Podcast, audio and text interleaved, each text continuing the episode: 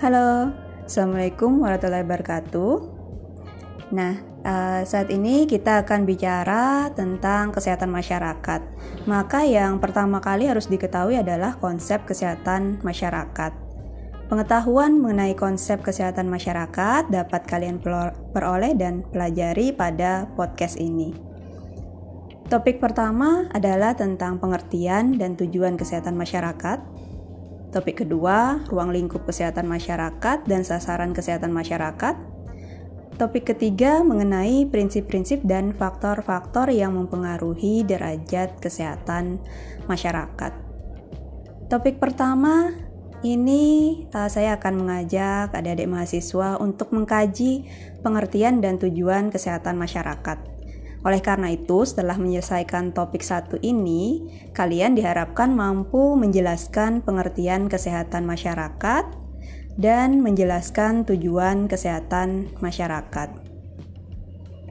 Nah, adik-adik tentu sudah sering mendengar definisi dari sehat. Sehat menurut Undang-Undang 23 tahun 1992 tentang kesehatan menyatakan bahwa sehat adalah keadaan sejahtera dari badan, jiwa, dan sosial yang mungkin hidup produktif secara sosial dan ekonomis. Sehingga dapat disarikan bahwa kesehatan ada empat dimensi, yaitu fisik, badan, mental atau jiwa, sosial, dan ekonomi yang saling mempengaruhi dalam mewujudkan tingkat kesehatan seseorang, kelompok, atau masyarakat. Oleh karena itu, kesehatan bersifat holistik atau menyeluruh, tidak hanya memandang kesehatan dari segi fisik saja.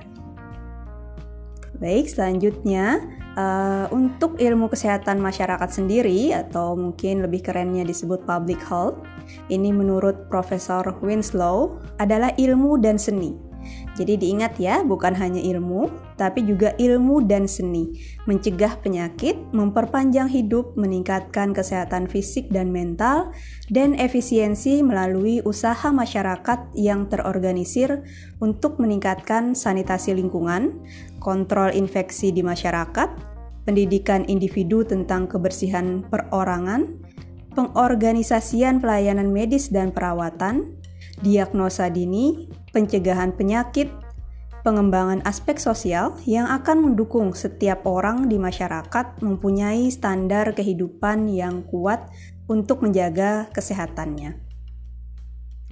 Baik, saya lanjutkan ke tujuan kesehatan. Nah, tujuan kesehatan masyarakat baik dalam bidang promotif, preventif, kuratif, dan rehabilitatif, di mana tiap warga masyarakat dapat mencapai derajat kesehatan yang setinggi-tingginya, baik fisik, mental, sosial, serta diharapkan berumur panjang. Baik, saya lanjutkan ke topik kedua. Nah, topik kedua adalah ruang lingkup kesehatan masyarakat dan sasaran kesehatan masyarakat.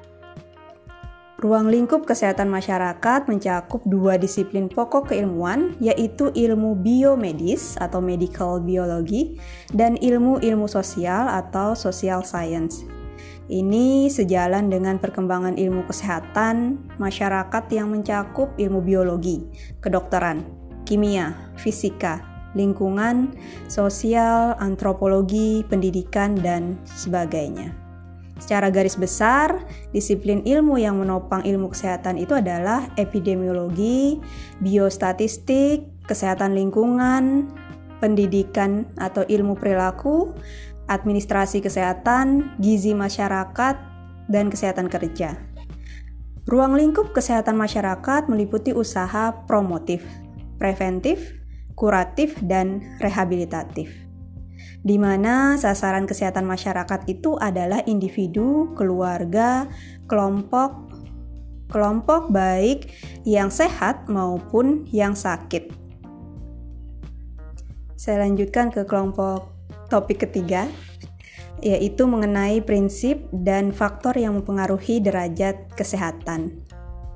Agar usaha kesehatan masyarakat dapat terlaksana dengan baik, ada beberapa prinsip pokok yang harus diperhatikan. Yang pertama adalah sasaran pelayanan, Yang kedua, dasar utama dalam perawatan kesehatan adalah dengan menggunakan metode pemecahan masalah yang dituangkan dalam pelayanan kesehatan.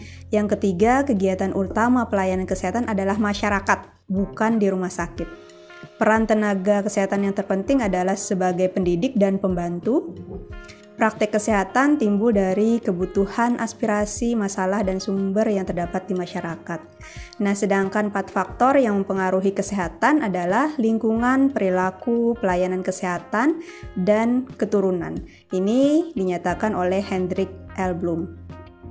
Nah, uh, dari penjelasan di atas, eh, adik-adik sudah bisa melihat bahwa kesehatan masyarakat itu kita tujuannya adalah pada komunitas.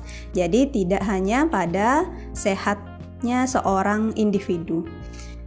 Saya rasa untuk materi ini cukup sampai di sini. Silahkan adik-adik kembangkan lagi dengan membaca uh, dari buku-buku ataupun textbook-textbook yang ada kalian miliki. Saya ucapkan terima kasih. Wassalamualaikum warahmatullahi wabarakatuh.